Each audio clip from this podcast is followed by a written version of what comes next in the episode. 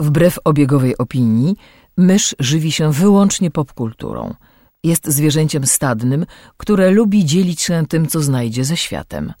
Jej naturalnym sposobem komunikacji jest przerywany śmiechem słowotok. Słuchacie podcastu Myszmasz.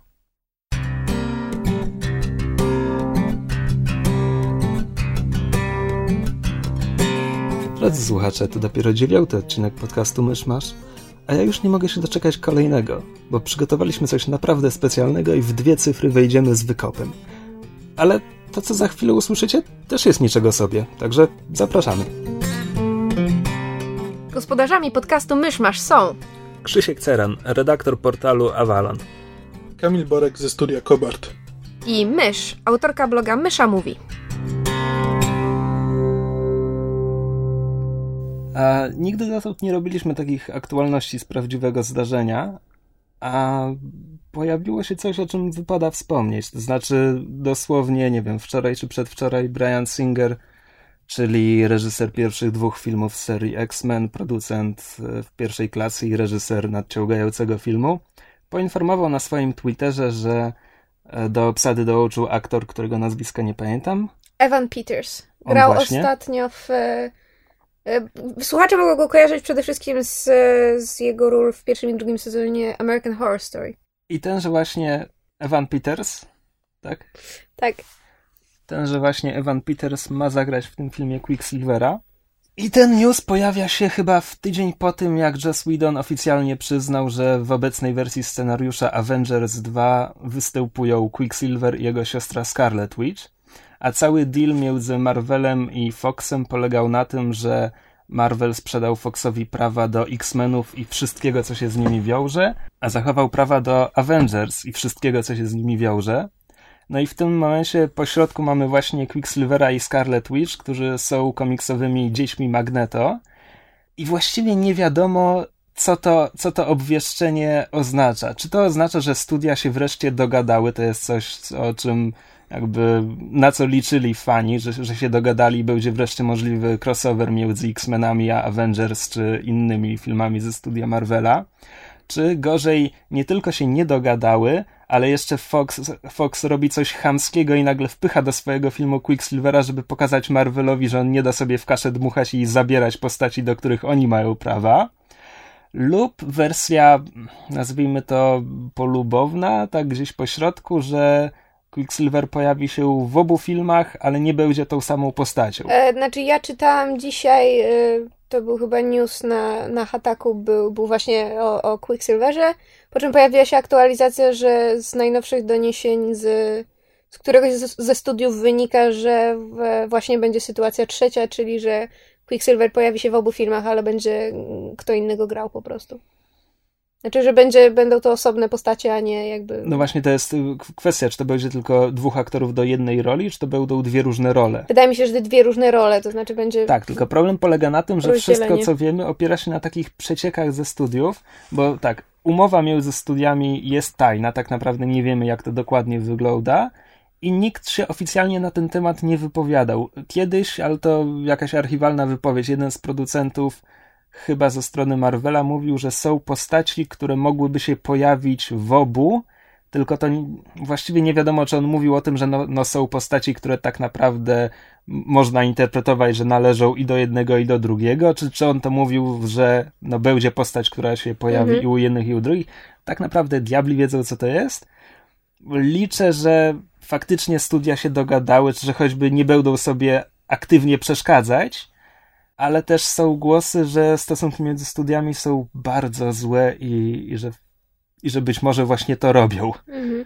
Znaczy, ja jakby nie, nie wchodziłam zbyt głęboko w, w to, w jakich stosunkach y, są, są, są te studia. Co zrobią, to zrobią. To znaczy, na razie to rzeczywiście są jakby pierwsze takie doniesienia, że, że ta postać się pojawi i w ogóle kto go będzie grał. Ja przede wszystkim się cieszę, że, że właśnie, że zatrudnili do tej roli Petersa, który jest.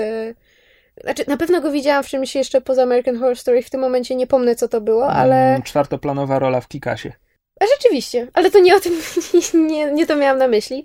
I rzeczywiście z przyjemnością bym go w tej roli zobaczyła i tak jak żeśmy y, kilka odcinków temu rozmawiali na temat dość zatrważającego nagromadzenia postaci w e, X-Men First Class, to ja już wyraziłam swoje podejście, że jakby wszelkiego rodzaju małe, prawda, cameos i, i wszelkiego rodzaju pojawienia się nawet, nawet na parę sekund znanych postaci, tym bardziej jeżeli gra, gra tę postać aktor, którego lubię, to, to ja jestem z tego powodu bardzo szczęśliwa. A co będzie, to będzie. Zobaczymy, jak na to zareagują studia i co z tego wyniknie. Gdyby to miało oznaczać, że studia się dogadały, to to byłby bardzo fajny news, bo właśnie oznaczałby możliwość jakichś kolejnych crossoverów gdzieś później. Raczej bym na to nie liczył. Jest też opcja, że studia się nie dogadały i Fox hamsko zaznacza swój teren.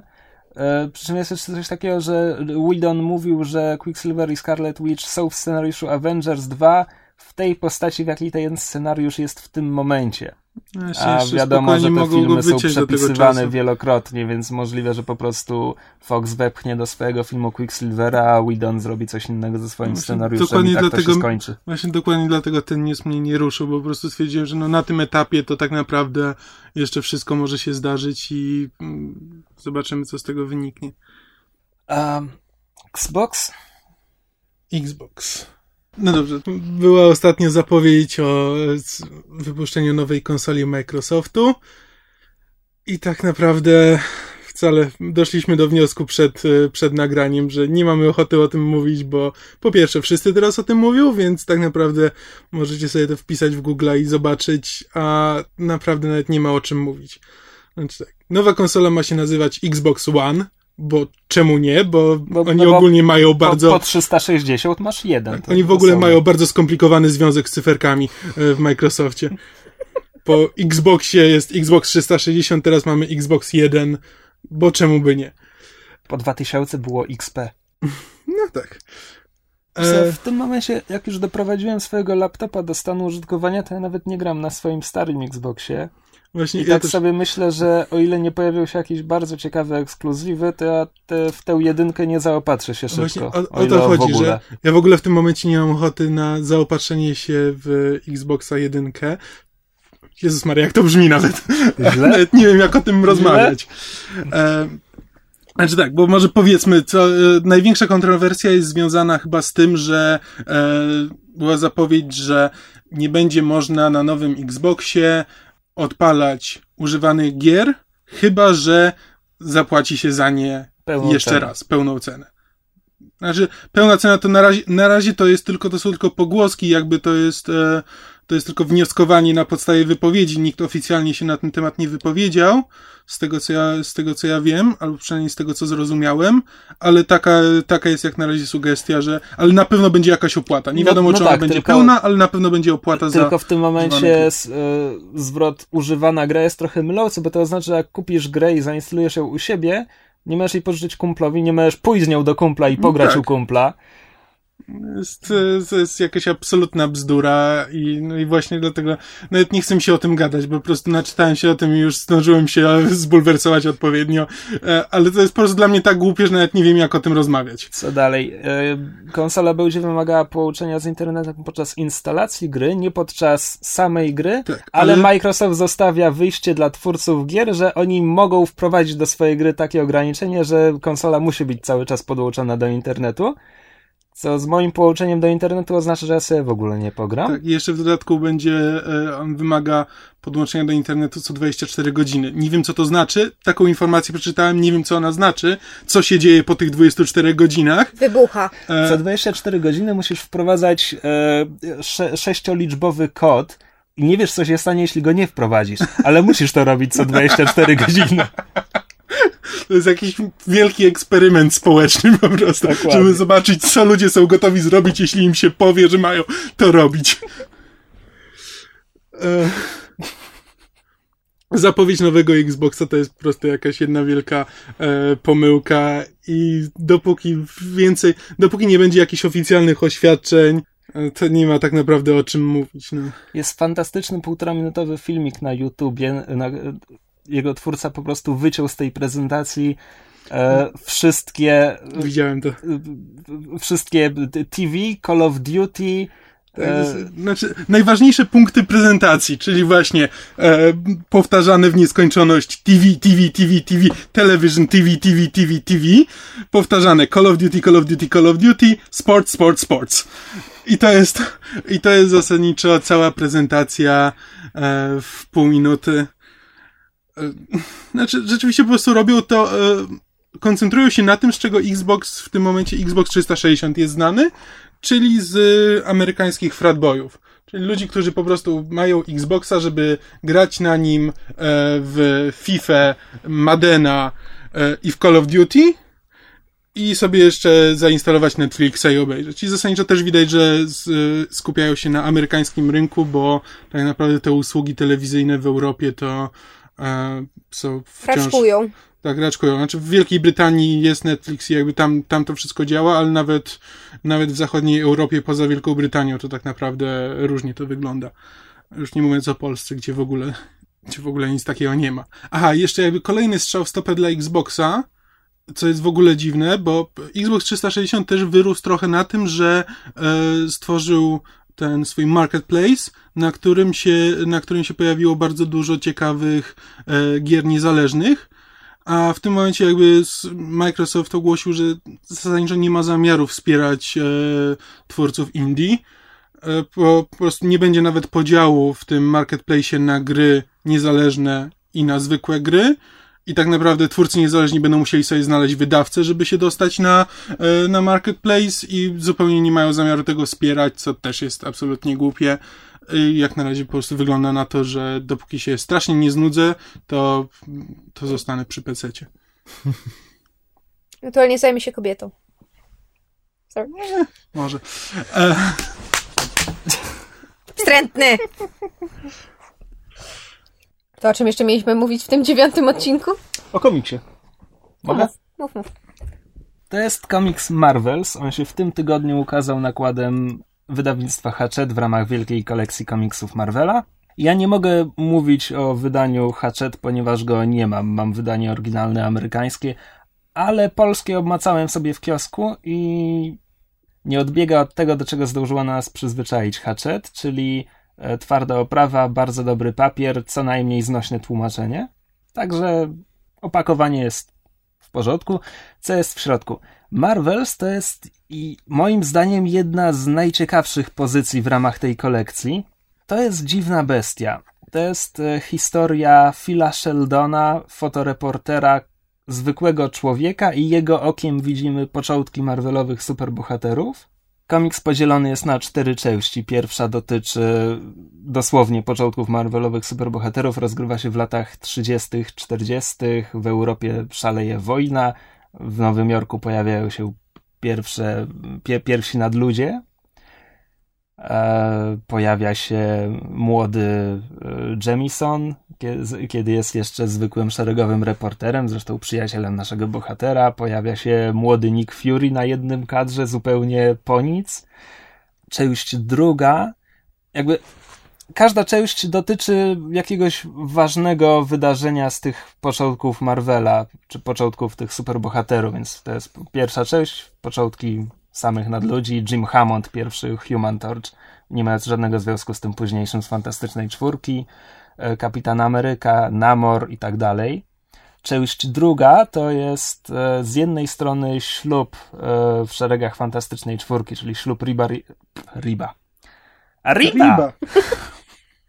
ślub Rida Richardsa i Sue Storm, a z drugiej strony panika y, z powodu mutantów i, i zamieszki w Nowym Jorku wywołane pojawieniem się mutantów.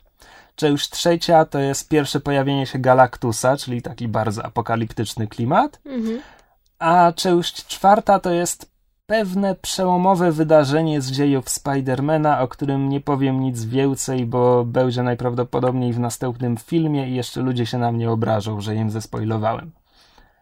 Fabularnie, jakby te, te cztery te cztery części nie są ze sobą powiązane fabularnie. No łączy je osoba naszego bohatera. Osią fabuły jest jego zmieniający się stosunek do tych nadludzi. Co jest? Powiedział osioł. Osioł fabuły. Też siedzę i tak powiedzieć coś? Nie no, chodziło o osioł. Ale ja słyszałam osioł. Klumpel?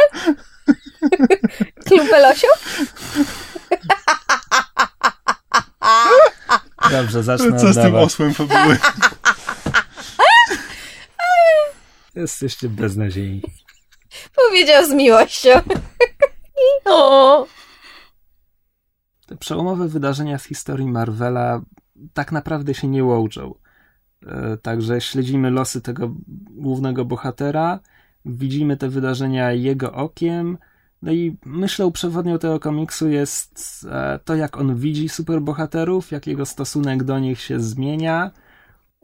I tu miałem powiedzieć, jak komiks się kończy, ale to jest pewnie nie najlepszy pomysł. Także po prostu warto się przekonać. Mimo, że fabularnie tutaj nie ma dużo, ten komiks odtwarza ducha tamtych pierwszych historii. To znaczy, dzieje się bardzo dużo, bardzo przypadkowych rzeczy. E, tak jak w tych komiksach, co miesiąc ci bohaterowie ratowali świat przed czymś, czy coś takiego. No i ten komiks to odtwarza. Tutaj ten nasz reporter opowiada, że wydawało się, że we wtorek Avengers zrobili to, a w czwartek Fantastyczna Czwórka tamto, bo ciągle były jakieś kryzysy i tak dalej bardzo dobrze jest uchwycone społeczeństwo zamieszkujące świat Marvela, a ze, ze światów komiksowych to chyba najbardziej zwyrodniali ludzie mieszkają w Marvelu, bo oni potrafią w, w jednym momencie oklaskiwać fantastyczną czwórkę, żeby potem chwycić widły i zlinczować jakiegoś mutanta i ta jakaś schizofrenia opinii publicznej też jest tutaj pokazana, również do pewnego stopnia poprzez głównego bohatera. I właśnie dlatego to tak działa.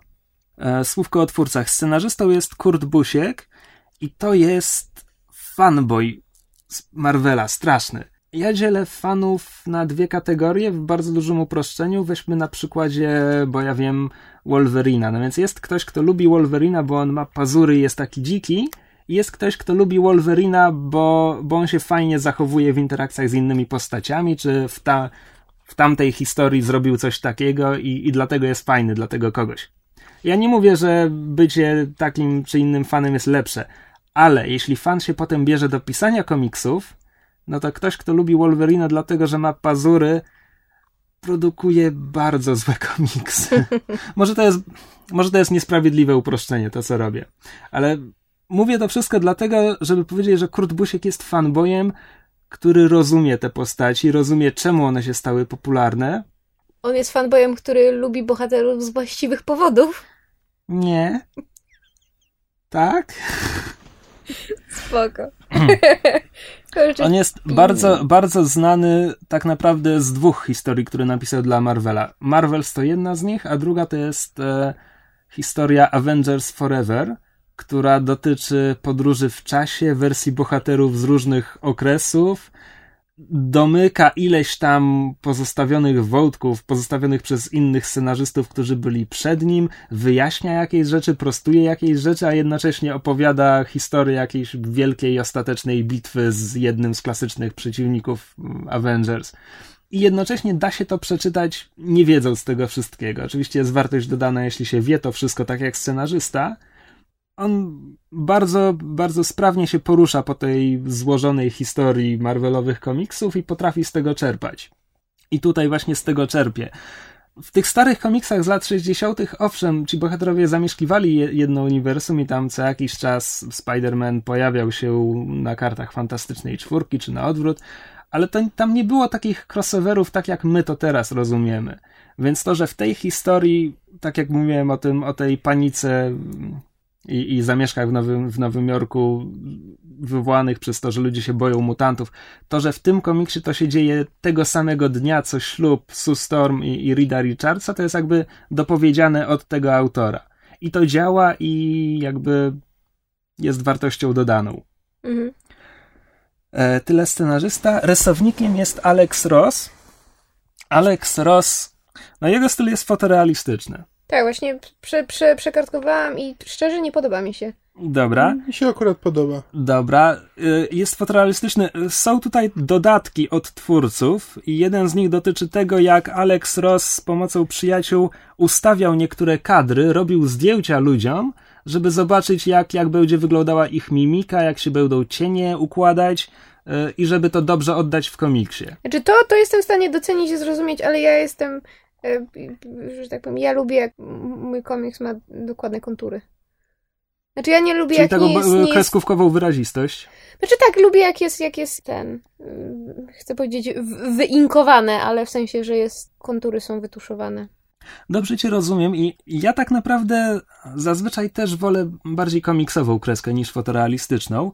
Alex Ross jest wyjątkiem i mam wrażenie, że do tego komiksu, do tej historii nikt tak nie pasuje jak on, ponieważ założeniem jest, że to jest superbohaterowie pokazani okiem zwykłego człowieka, Mhm. jeszcze fotoreportera, No który tak. wie jak i wie jak to uchwycić.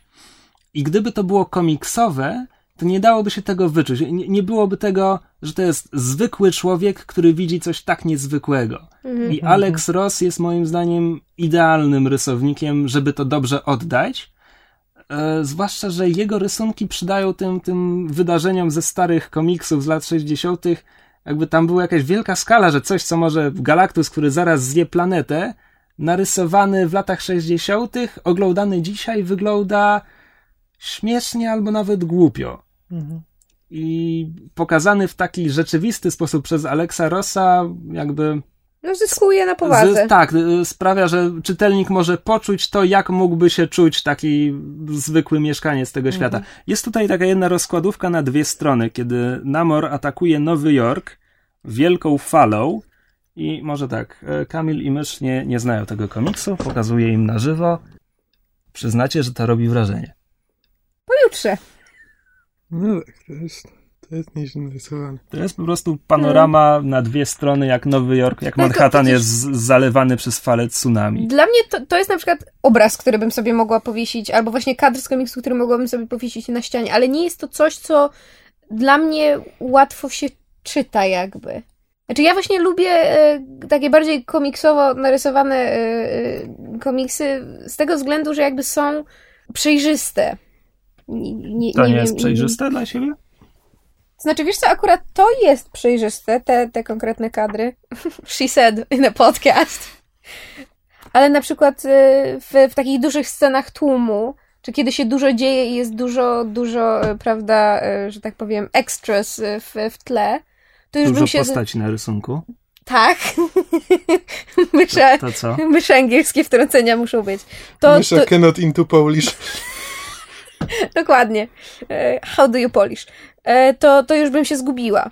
Ja lubię, ja, ja wiem, że to jest e, dość takie proste i naiwne podejście do, do komiksów, bo, bo żeśmy już wyewoluowali poza, e, prawda, proste trzy kadrowe komiksy pod tytułem Garfield głodny, Garfield jeść, ale lubię tę taką właśnie prostą kreskę i, i- i taką większą przejrzystość. Doceniam, co rysownik chciał zrobić i doceniam ten fotorealizm, ale jakby to nie byłby komiks, po który instynktownie bym Chyba- sięgnęła. chy- Chyba zauważyłem odwołanie do tradycyjnego obrazu amerykańskiego. Mhm. Tak, bardzo ładny. Night Flies? Night... Jak, jak to jest? Wiesz co, nie pamiętam. Night, night, nie, nie A Night autora Flight. przynajmniej?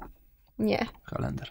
Ale to jest ten słynny obraz, gdzie widzimy e, postacie się, się, się Siedzące przy barze amerykańskiego dinera, Tak, widzianego z zewnątrz. tak, w nocy. I ten obraz był wielokrotnie parodiowany i przerabiany. Jak nam się przypomni, to wrzucimy Tak. jego zdjęcie I, na, I właśnie na, na fanpage. przypadkiem zauważyłem taki kadr w Marvels. O, ten, ten kadr z Giant Manem górującym nad tłumem. Też jest fantastyczny. No. Teraz do mnie dotarło, że te rysunki podobają mi się chyba dlatego, że z jakiegoś powodu kojarzą mi się ze starymi przygodówkami. One wyglądają trochę jak już te trochę późniejsze, już te 32-bitowe, ale właśnie takie starsze, starsze przygodówki. Starsze przygodówki z ręcznie malowanymi tłami. Tak. I dlatego ręcznie malowany komiks ci się z nimi kojarzy. No widzę jakiś związek, jakieś punkty wspólne. To ja jeszcze powiem, że e, znaczy na pierwszy rzut oka nie jestem, e, nie jestem przekonana, ale jeżeli, jeżeli by uprzejmie pożyczysz mi komiks, to z przyjemnością przeczytam i zobaczę, jak jakby w, w, w akcji się, się, się sprawdza komiks, czy, czy, czy może rzeczywiście to się, to się całkiem nieźle czyta.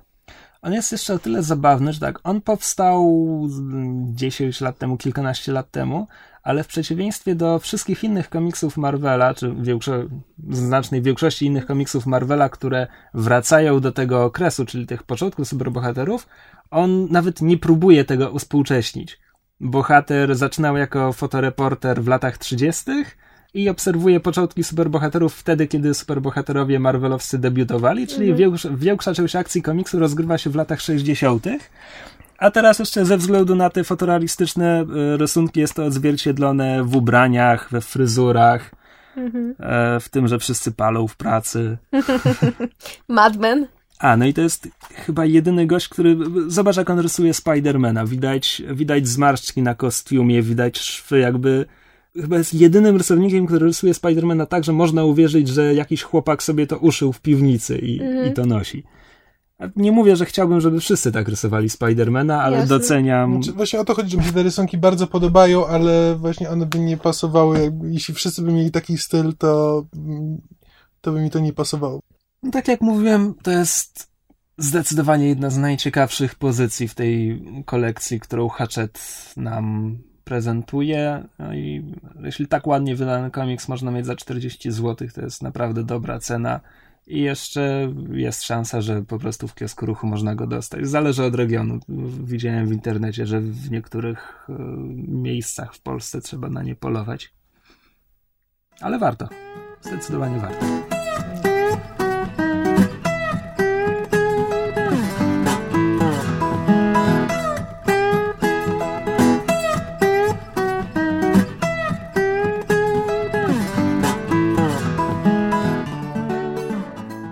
Dostaliśmy kolejny list od słuchacza, tym razem jest to Grey Fox z Avalonu. Tak, i nie jest to nawet tyle list, co sprawdziłem. W, przy odpowiednim formatowaniu, znaczy przy właściwym formatowaniu, e, mogłem spokojnie ten list oddać jako swoją pracę semestralną, jeśli chodzi o objętość. Żeby nie było, jesteśmy bardzo wdzięczni za taki, tak, tak. za taki wysiłek, ale chwilę to potrwa. Tak. A zatem przygotujcie się. Idźcie po kanapki do kuchni, zróbcie sobie herbatę. Rozsiądźcie się wygodnie, wygodnie w fotelu. Tak. Zaczynamy. Cześć. Pomyślałem, że poprawię wam nieco statystyki i podeślę i swoją, nader skromną opowieść. W zasadzie nie ma się nad czym rozwodzić. Urodziłem się w miejscu, o którym niemal nikt nie pamięta, do którego niemal nikt nie wie, jak dojechać i niemal nic tam nigdy nie było. Moja... Przepraszam, chciałem powiedzieć, że brzmi trochę jak historia mutanta z X-Menów.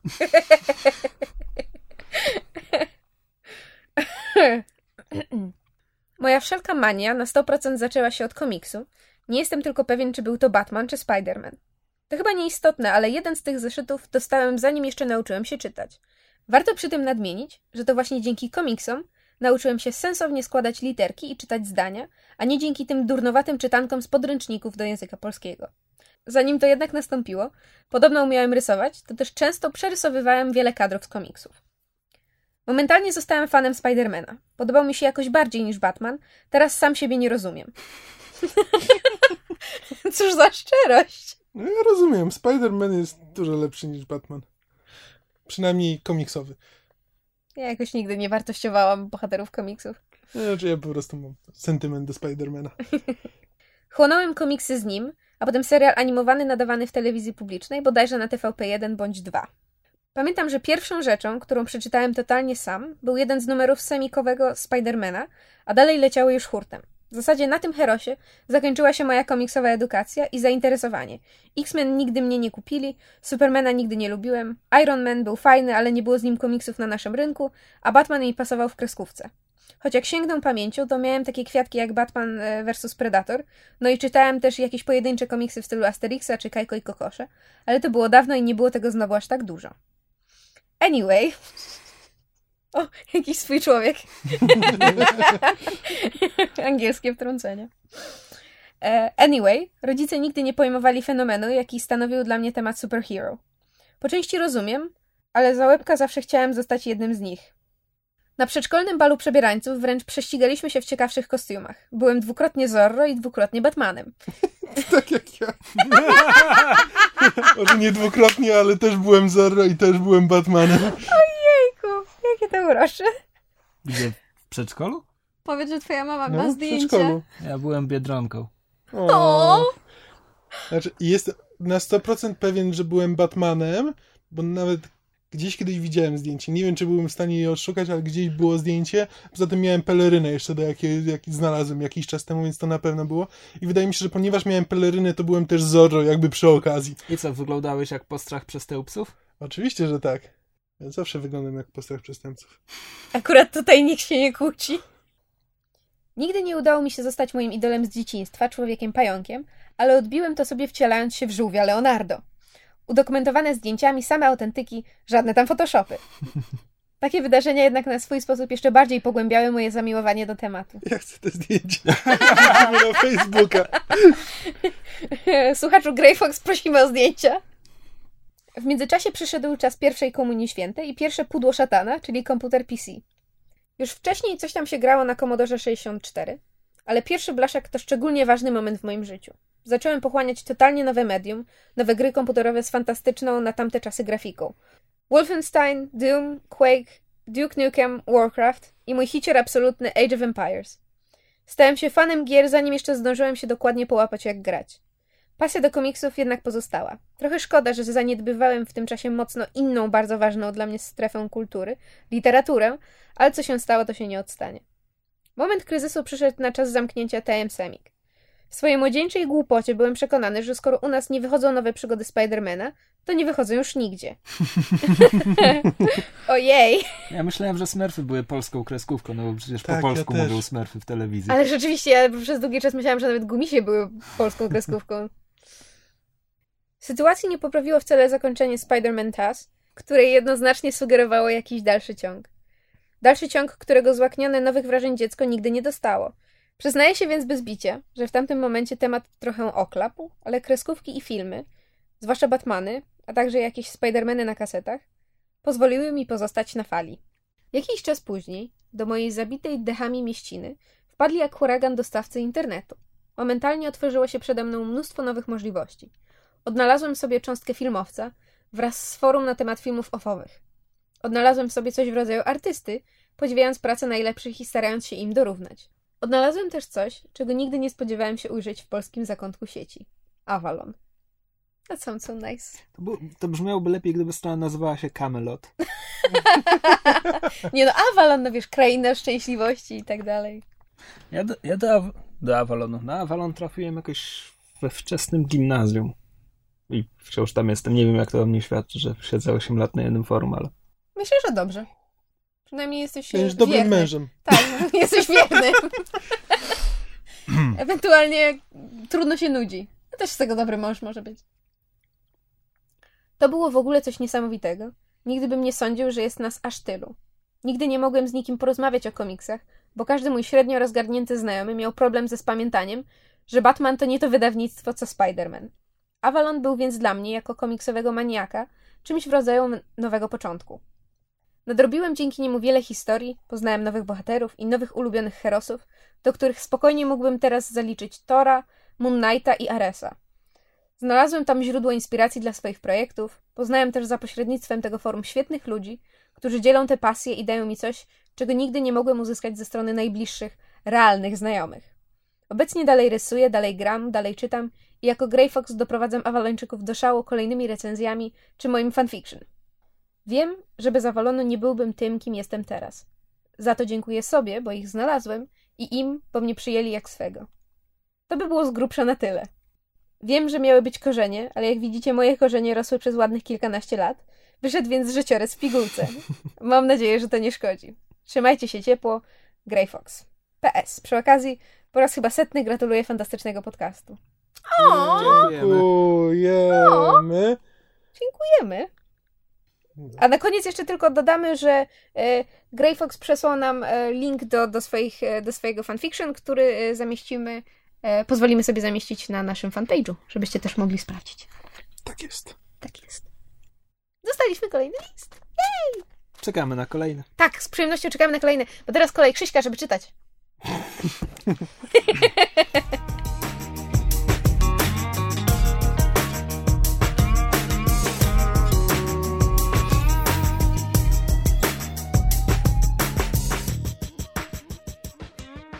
Ja nie mam w co grać ostatnio. Znudziły ci się te fajansy i inne? Jezu, e, znaczy, teraz gram w tego Neverwintera, ale właśnie dlatego, że nie mam w co grać, bo nawet Mówimy o Neverwinter. Jak to się w ogóle nazywa? Neverwinter to się po prostu, Po prostu nazywa Neverwinter. I to jest em, darmowe MMORPG, czy darmowe, free to play MMORPG w świecie Neverwinter Nights po wydarzeniach z Neverwinter Nights 2 i Dodatków. dodatków. Neverwinter jest totalnie zniszczone i tak naprawdę większość akcji się dzieje właśnie w samym mieście, po którym już teraz ganiają orki i, różnego i różne inne potwory. I tyle jestem w stanie powiedzieć o fabule, bo ja nie jestem w stanie podążać za fabułą e, MMORPGów, bo po prostu no to jest źle przekazane, to są po prostu teksty napisane nad głowami NPC-ów i nie ma w tym nic ciekawego dla mnie. Em, No tak wyjątkiem od tej reguły jest chyba The Old Republic, które jednak no starało tak, się coś no, z tą fabułą Starało robić. się, ale Jakby The Old Republic nie postarało było się mi w stanie... Jakby jeszcze postarała się coś z gameplayem zrobić, to może nawet wciągnęłoby mnie na dłużej to jest ten tydzień. problem, że Never, Neverwinter i The Old Republic są po dwóch stronach spektrum MMORPGów, gdzie The Old Republic jest chwalony za to, że właśnie e, ma ciekawą fabułę, ale ma totalnie niegrywalny, niegrywalny system, szczególnie dla graczy, którzy nie płacą. Neverwinter ma świetne... e, Znaczy dobra, ja nie chcę, nie chcę mówić, że, że ma kiepską fabułę, bo po prostu tej fabuły nie znam i ja po prostu nie jestem w stanie się interesować fabułą MMORPGów. Jest bardzo fajny, bo bardzo, bardzo fajnym pomysłem jest to, że gracze mogą tworzyć własny content, który później jest tam oceniany jest wrzucany jakby oficjalnie do gry i tam się dostaje jeszcze dodatkowe bonusy za branie udziału w tych misjach stworzonych przez graczy. To jest bardzo fajny pomysł, bardzo mi się podoba.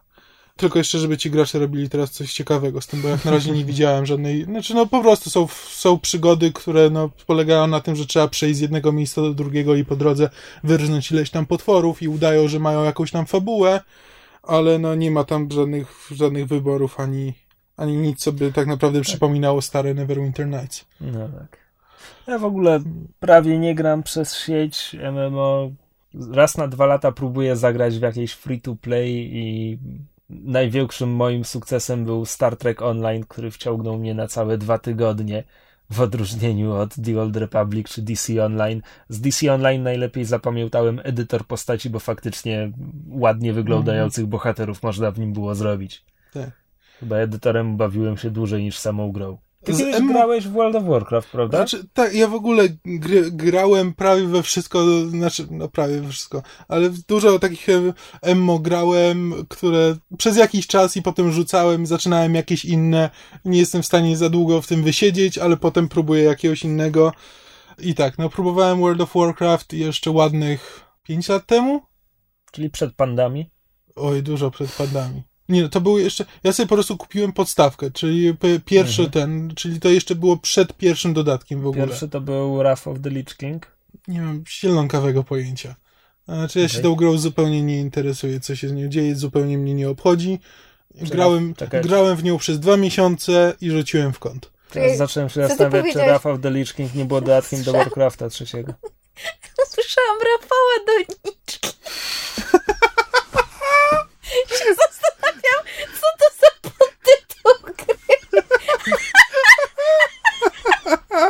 Ja chcę zagrać Rafała Doniczki. na Doniczki.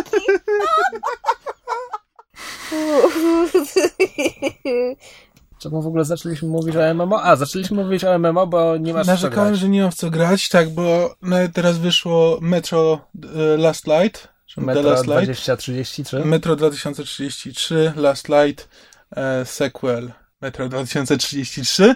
Czekaj, czy E. samo Metro 2033 było już sequelem Metra 2030, czy coś mylę? Nie. Co? Nie. To coś mylę. Nie, Nie słuchaj mnie. nie, to była tylko ten, adaptacja książki. Tak, ale E. książka jest więcej niż jedna. Znaczy, książka to w ogóle teraz się zrobiła w uniwersum, bo ten Dmitrij Gluch, Gluchowski e. po prostu jakby otworzył ten świat. Znaczy, on, W to sensie, jest że świat, inni autorzy mogą że inni pisać. autorzy, ktokolwiek chce, Mhm. może pisać w tym świecie. On tam później wybiera te najciekawsze, jakby umieszcza je w kanonie, znaczy Wydaje. wydaje je po prostu pod szyldem Metro Jeśli mogę 2033. małą dygresję tutaj wprowadzić. Ostatnio w Empiku rzuciła mi się w oczy z półki na twarz e, książka zbiór, zbiór opowiadań ze świata Wiedźmina. Na okładce jest hołd rosyjskich autorów dla Don't. Andrzeja Sapkowskiego. Don't. E, czy to jest, jak, znaczy, To są to, to fanfiki jest, w świecie tak, ale, ale tam jest jakiś oficjalny stempel, czy, czy nie? No chyba musi być, żeby to się ukazywało jak... Znaczy to było chyba, z nie chcę, Wiedźminem nie chcę tytule. skłamać, ale to było na zasadzie, że napisali do Sapkowskiego i do jego wydawcy, że mają taki pomysł i czy oni mają coś przeciw, a Sapkowski chyba stwierdził, był już na tym etapie, że stwierdził, a rób ta co chce ta. Mm, czy tak, Sapkowski miał taki moment, kiedy strasznie pilnował tego Wiedźmina i chciał, żeby to była jego wizja, a, a w tym momencie już... było przed filmem, czy po filmie?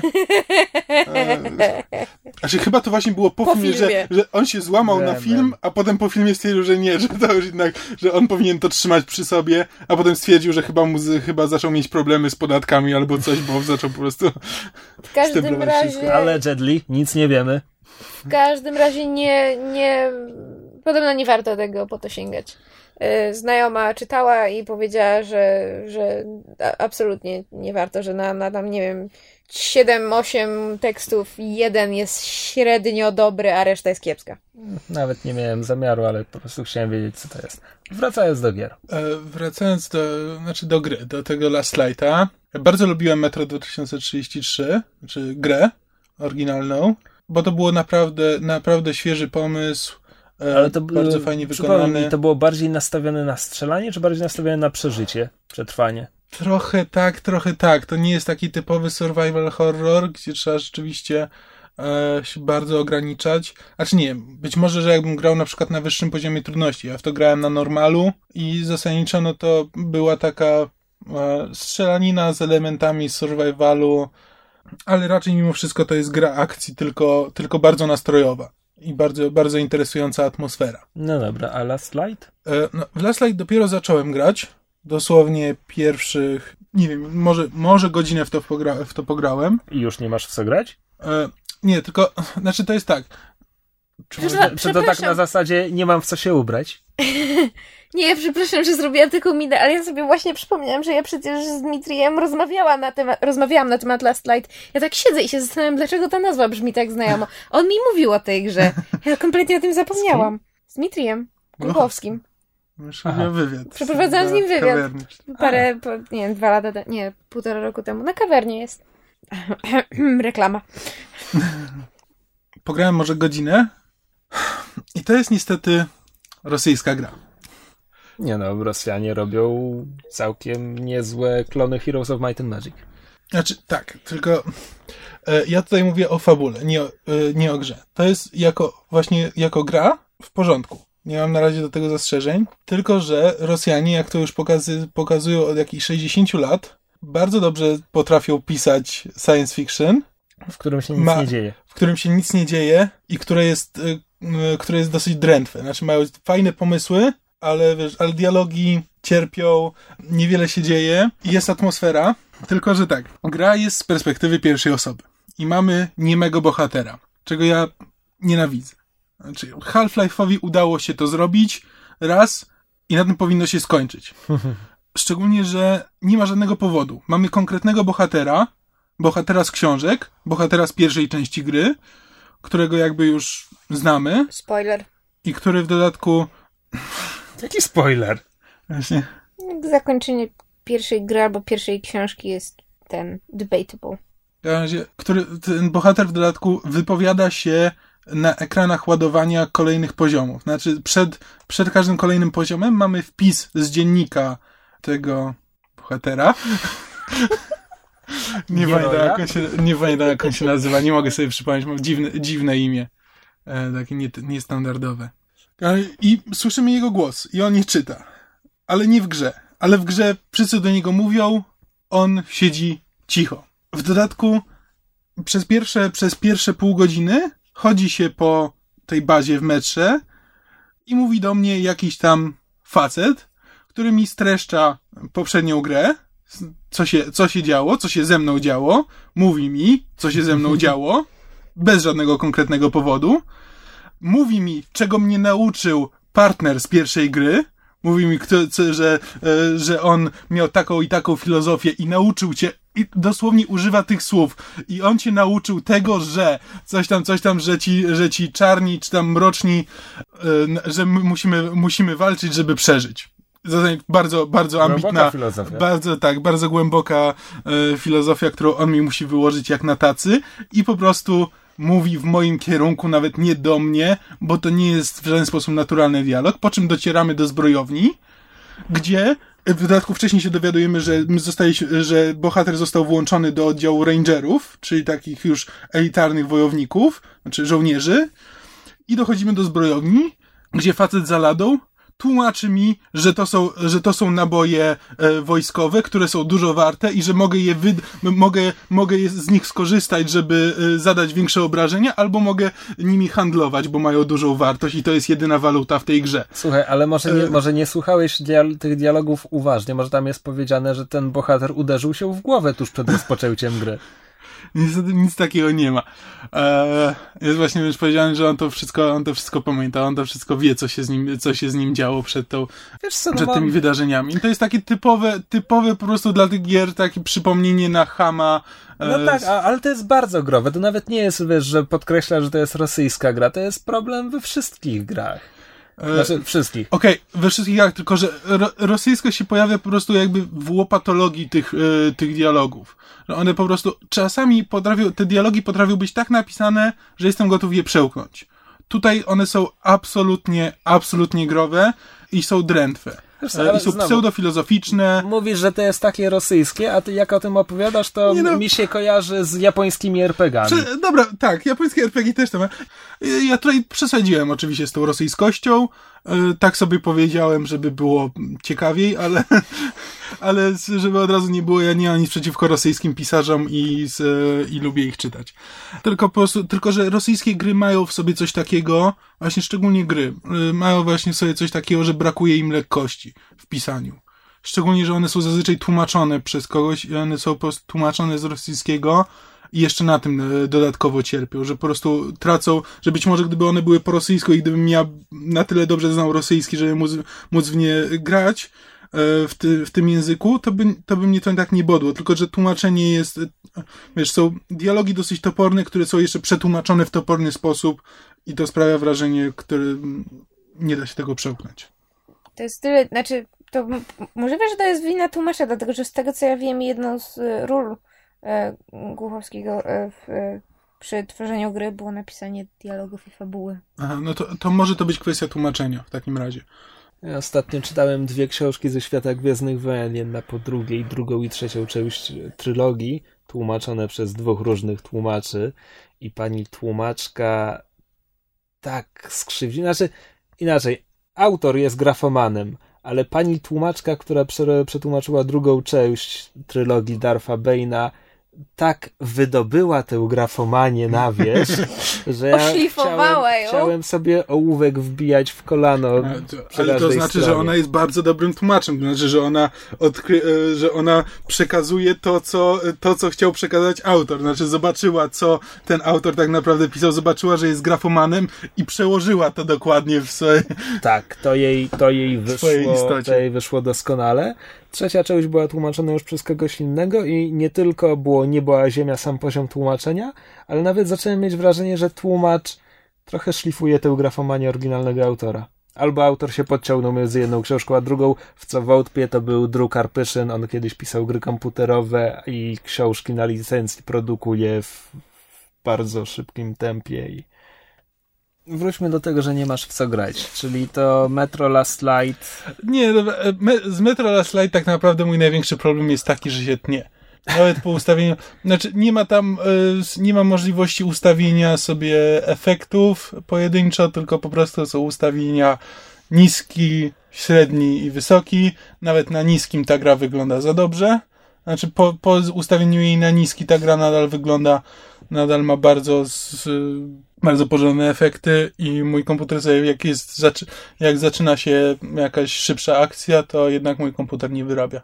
To to nie wina gry, tylko twojego komputera. Nie, dlatego mówię, że to, to, to było tylko jakby to, że nie mam w co grać, to było wprowadzenie jakby, chciałem sobie ponarzekać trochę na to, na to Last Light, ale to nie są wady, które mnie, które by mnie od tej gry odrzuciły, tylko że po prostu ciężko mi się na razie w nią gra, jeszcze będę próbował być może, jak na razie to te problemy były po wyjściu na powierzchnię, może jeśli gra będzie się toczyła jednak w większości w metrze, to może nie będzie takich problemów.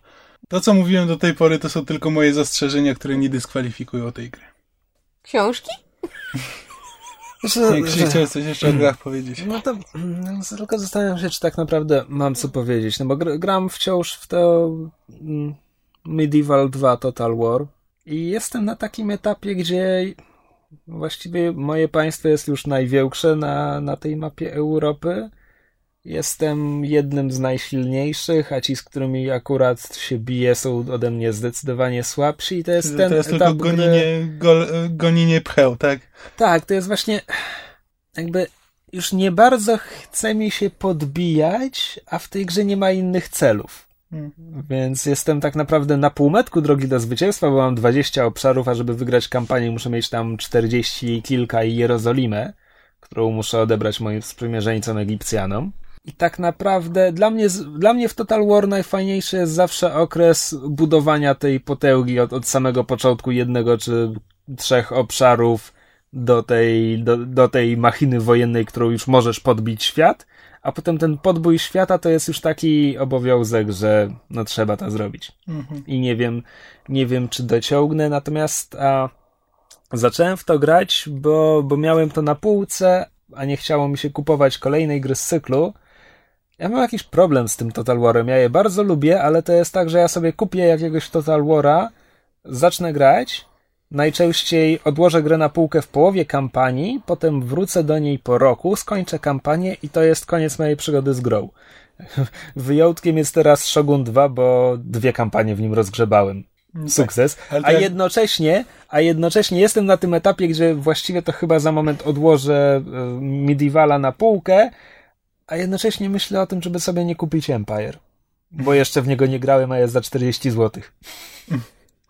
Znaczy nie chciałem powiedzieć, że za chwilę tam będzie wychodził Rome, Rzym, Rzym 2, tak. Rzym 2, to wtedy zaczniesz grać w Shoguna dwójkę z powrotem. Wiesz co, w, e, może z Rzymem 2 jest taki problem, że mój komputerek może nie, nie wytrzymać. Ta gra wygląda na, na sprzętożerną. Dlatego mówię, wyjdzie Rzym 2, a ty zaczniesz grać w Shoguna 2. Bardzo możliwe. A poza tym wróciłem teraz do FTL, które wciąż jest bardzo przyjemne i wciąż mi się w to bardzo fajnie gra. Mysz, ty słyszałaś kiedyś o FTL? A rozwiniesz skrót? Faster than light, ale to jakby tytuł gry to, to, to jest ten skrót. Nie. To jest e, taka mała gra, dość śmieszna, w której masz statek kosmiczny. Fabuła jest absolutnie banalna i nie ma żadnego znaczenia. Masz statek kosmiczny, który widzisz z góry, tak jakby przekrój z pomieszczeniami. Jest tam sterownia, maszynownia, pomieszczenie, gdzie tam się zawiaduje polami siłowymi, bronią i takie tam rzeczy. I masz kilku członków załogi, którzy jak są, jak członek załogi jest w takim pomieszczeniu, to usprawnia działanie tego podsystemu statku, czyli mm, tam jak masz kogoś e, w zbrojowni, to broń się będzie szybciej ładowała, jak w siłowni, to pola siłowe się będą szybciej odnawiać. I po prostu trzeba przelecieć przez kosmos. Lot przez kos- kosmos polega na tym, że masz mapę sektora i tam wybierasz, jest kilka gwiazd systemów gwiezdnych, do których możesz się udać. Jak się udajesz do takiego systemu gwiezdnego, to gra ci losuje jakieś wydarzenie, zawsze. I to czasami nic się nie dzieje, to jest bardzo rzadko. Czasami trafiasz do sklepu, czasami jest jakieś wydarzenie losowe, takie trochę jak Choose Your Own Adventure, że natykasz, natykasz się na jakąś sytuację, gdzie możesz wybrać jedno z trzech działań, no i tam, jeśli masz na przykład odpowiedni sprzęt na statku, to, to możesz coś uzyskać, a czasami to jest po prostu kompletnie losowe, że ci nagle zginie jeden członek załogi, bo, bo tak. No i często natykasz się na przeciwników. Jak natykasz się na przeciwników, to dochodzi do bitwy między tymi statkami. I to jest jakby bardzo statyczne, bo ty cały czas na ekranie widzisz tylko ten swój statek z góry z przekrojem przez pomieszczenia i w, i w mniejszym okienku statek przeciwnika z przekrojem przez jego pomieszczenia. I to, to brzmi trochę nieciekawie, bo walka to jest tak, że wiesz, możesz w każdym momencie zastopować, żeby wskazać cel, dla, w, w które podzespoły statku przeciwnika celujesz bronią. E, możesz w każdym momencie przekierować tych swoich członków załogi do podsystemów, które teraz są ci potrzebne. Mhm. Zarządzasz też energią statku, czyli jest to takie słynna klisza science fiction, daj cał, całą moc do silników, czy całą moc na osłony i tego typu rzeczy. Urok gry polega na tym, że zawsze masz tego za mało, zawsze masz tego jednego załoganta za mało, zawsze masz tej energii o, o kilka pasków za mało, więc zawsze musisz, zawsze musisz balansować, czy w tym momencie potrzebujesz broni, bo chcesz zniszczyć tego przeciwnika, czy w tym momencie potrzebujesz silników, żeby mu uciec i tak dalej. Czy w tym momencie ważniejsze jest, żebyś miała pilota przy sterach, czy ważniejsze jest pokonanie tego kosmity, który dokonał abordażu i właśnie ci tam coś niszczy. I ta gra to jest taki. W tej grze chodzi o to, żeby zapanować nad tym chaosem i przeżyć jak najdłużej. Jakby gra ma koniec, możesz, możesz wygrać, jeśli przelecisz tam, nie wiem, chyba siedem sektorów i na koniec trzy razy się zmierzysz z największym, najgroźniejszym statkiem w kosmosie, to, to wygrywasz grę, ale jest to dość trudne i te wydarzenia losowe często sprzymierzają się przeciwko tobie. Jakby to jest fajna gra, bo tam tworzysz własną historię. To jest trochę, trochę. Tam się tworzą bardzo fajne sytuacje, które wymagają od ciebie wiesz, decyzji, gdzie, gdzie każda decyzja ma znaczenie i w pewnym momencie się okazuje, że liczy się każda sekunda, czy, czy każda rakieta, którą masz w zapasie. Ten sposób jest po prostu bardzo fajne doświadczenie, bardzo fajna zabawa, zabawka tak, żeby uruchomić ją sobie na 15 minut, przejść je, wiesz, jedno, dwa spotkania, rozegrać dwie walki i tyle. Hmm, to nie, nie to znam. Jest symulator, to jest symulator Star Treka zasadniczo. No właśnie, to było moje pierwsze skojarzenie, tak. Myślę sobie statek, przekrój, ludzie. Enterprise! Tak, tylko, tylko, że pod względem liczebności załogi i tak dalej to jest bardziej Serenity niż Enterprise. No tak, domyśliłam się. No tak, ale on jest jakby zainspirowany właśnie Star Trekiem. No tak. To ja teraz zaczęłam czytać nową książkę. To znaczy, ona nie jest nowa e, ogólnie, ona jest nowa dla mnie, a właściwie wiem o niej od dawna, ale nigdy jej nie, wcześniej nie czytałam. Mianowicie jest to poniekąd klasyka y, starszej polskiej fantastyki. Dobra, nie trzymaj mnie już w takim napięciu. Co to jest? Książka, a właściwie pierwszy tom nazywa się Ksin Drapieżca. Autorem jest Konrad T. Lewandowski. I to jest, jakby, Konrad T. Lewandowski jest dziwną postacią, dlatego że on jest uznawany za bardzo złego pisarza i bardzo nieprzyjemną osobę. Przy tym seria o Ksinie jest uznawana za, po pierwsze, jego najlepszą, po drugie, za całkiem dobrą, jakby ogólnie, a po trzecie, jakby za, za, za klasykę e, fantastyki, więc byłam jej bardzo ciekawa, ale odstraszało mnie to, co, to, co się o, o, o panu Lewandowskim naczytałam, jakby w fandomie i, i ogólnie w internecie. Ale ostatnio, e, wczoraj, ponieważ były Czekaj, urodziny. Kto, kto ją uważa za kanon fantastyki? W ogóle, jakby, no, to jest książka, którą, którą należy znać, tak jak powiedzmy, należy znać, nie wiem, Sapka, czy. No dobra, właśnie dopytuję, bo po pierwsze nie słyszałem o niej, po drugie nawet nie kojarzę, żeby Sapek w swoim rękopisie ze Smoczej Jaskini wspominał o Wspomina autorze. chyba o Ksinie. Tak? Tak? mi się wydaje. E, A jak nie, to, to ja to podłapałam gdzieś e, doczytując właśnie a propos Sapka i a propos innych tekstów mniej więcej z tego okresu, które by były równie powiedzmy kultowe, czy właśnie uznawane za klasyczne.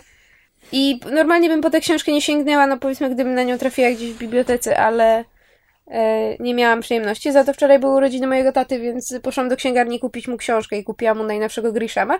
Po czym zauważyłam, że właśnie pierwszy tom e, Xina jest e, w promocji, tam jakieś takie starsze, zniszczone wydanie, tam za 16 zł. Stwierdziłam, okazja piechotą nie chodzi. Kupiłam, zaczęłam czytać od razu i tak się zaczytałam, że aż się spóźniłam na spotkanie. Jest naprawdę napisana fajnym, prostym językiem, a przy tym bardzo obrazowym, bardzo wiele jakby przekazuje tym, tym prostym językiem. Rzeczywiście skojarzyło mi się od razu z, z Wiedźminem, jak mgliście, ale przypominam sobie czasy, kiedy pierwszy raz czytałam Wiedźmina. Pamiętam, jakie miałam takie wrażenie takiej, nie wiem jak to określić, ale nie siermiężności, ale takiego, takiego właśnie jakby, nie staropolskiego klimatu, ale takiego typowo polskiego podejścia do fantastyki.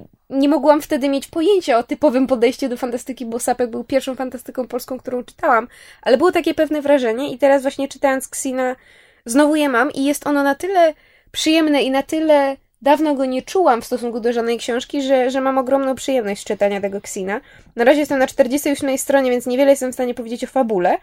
Natomiast jestem zdziwiona tym, jak wiele jest u Lewandowskiego scen erotycznych i okołoerotycznych.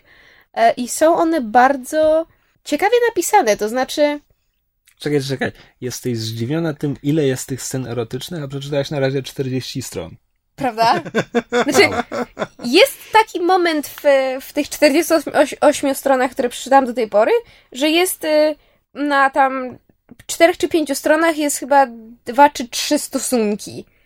I, ale nie, że one są jeden za drugim, tylko to jest na zasadzie, że w, oni uprawiają seks, mija tydzień jest opowiedziane, że na przykład, że minął jakiś czas, że oni zdążyli się zadomowić, coś tam, coś tam, po czym jest znowu urywek sceny na zasadzie, a co robisz, gotuję ci obiad, oto chodź się pobzykamy. Znaczy, ale nie to upraszczam, ale mniej więcej taki jest sentyment sceny.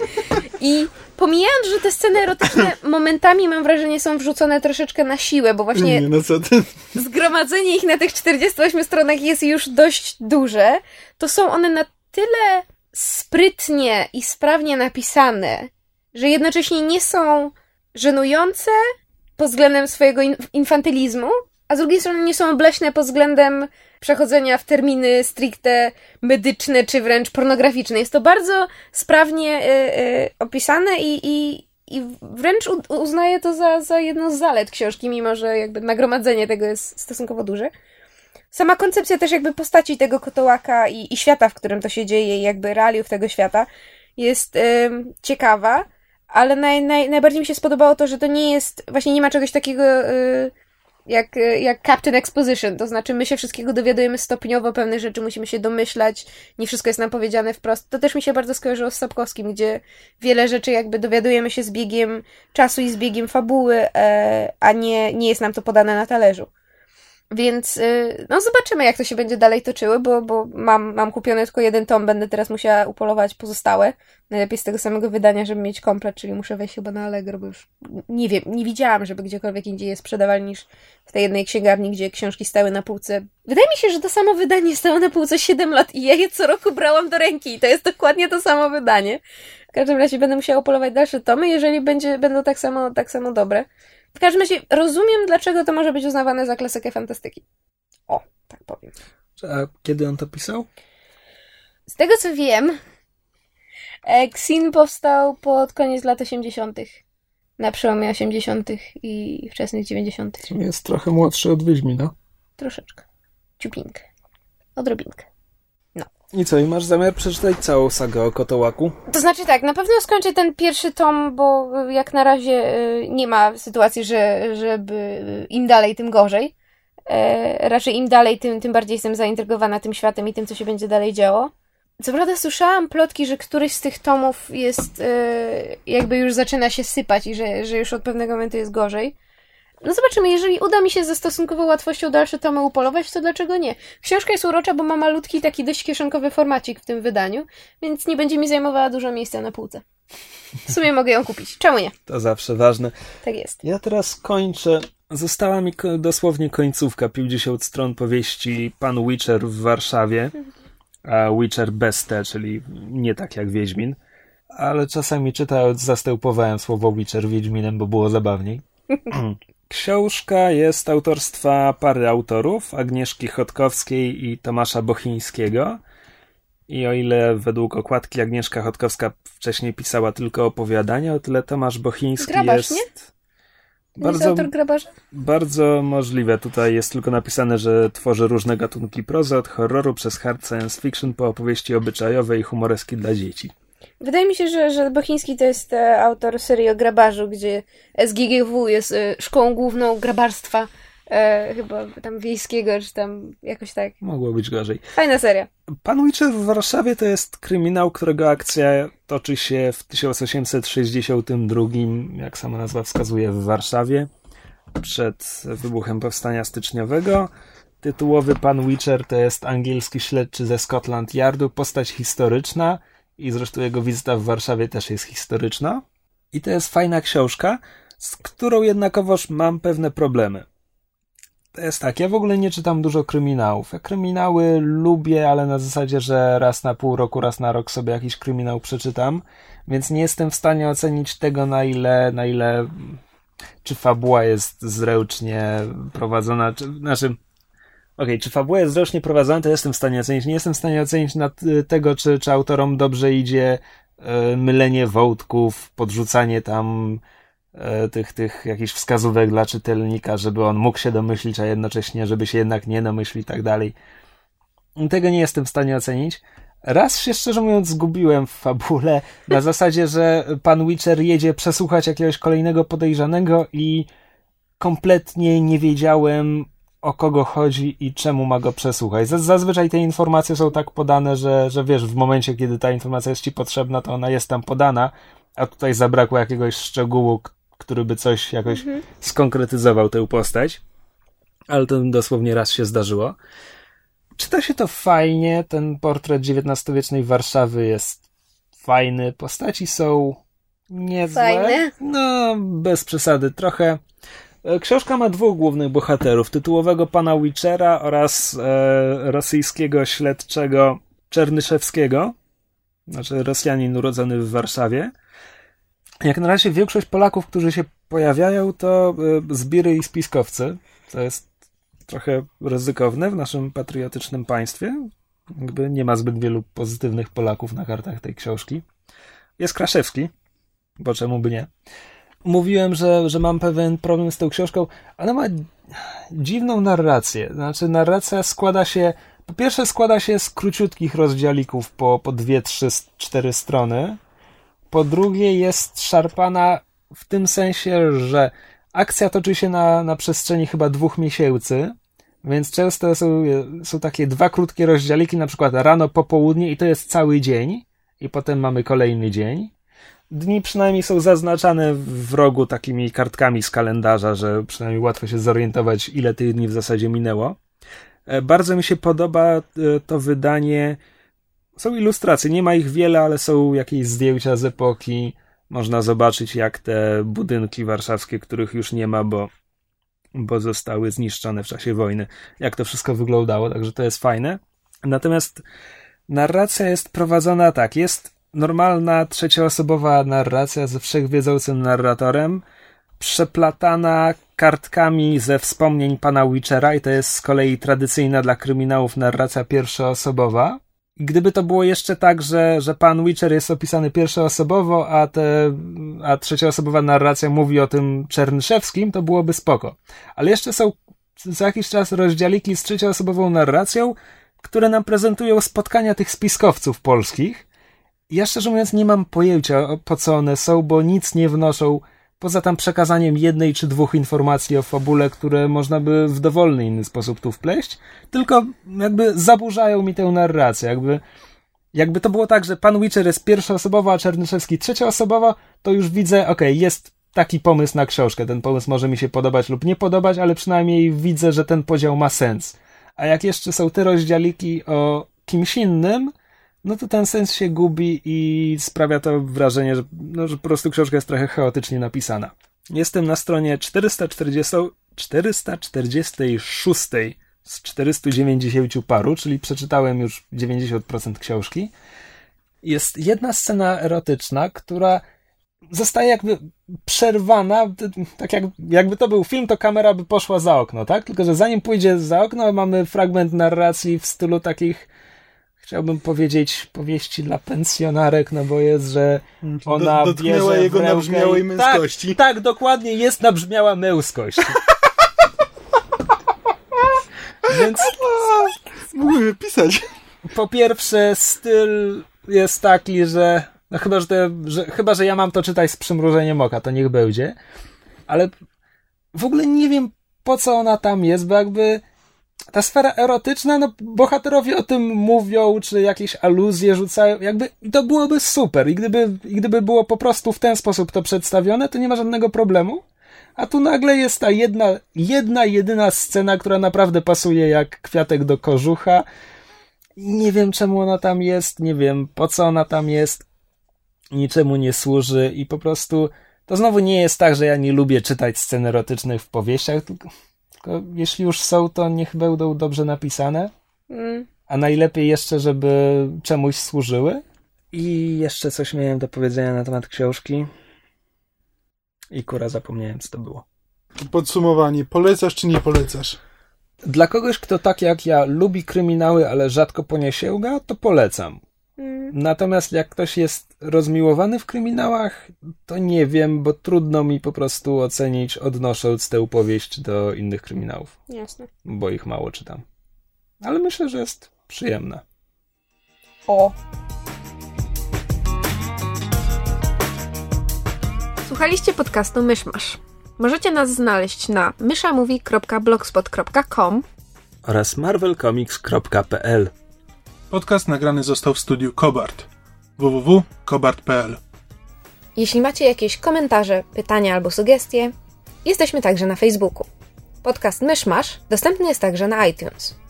Jeśli wystawicie nam ocenę, będziemy szczęśliwi jak osioł w chodaczkach.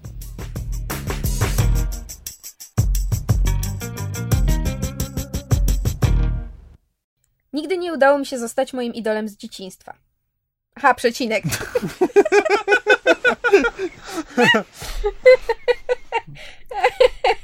uh, reading is hard.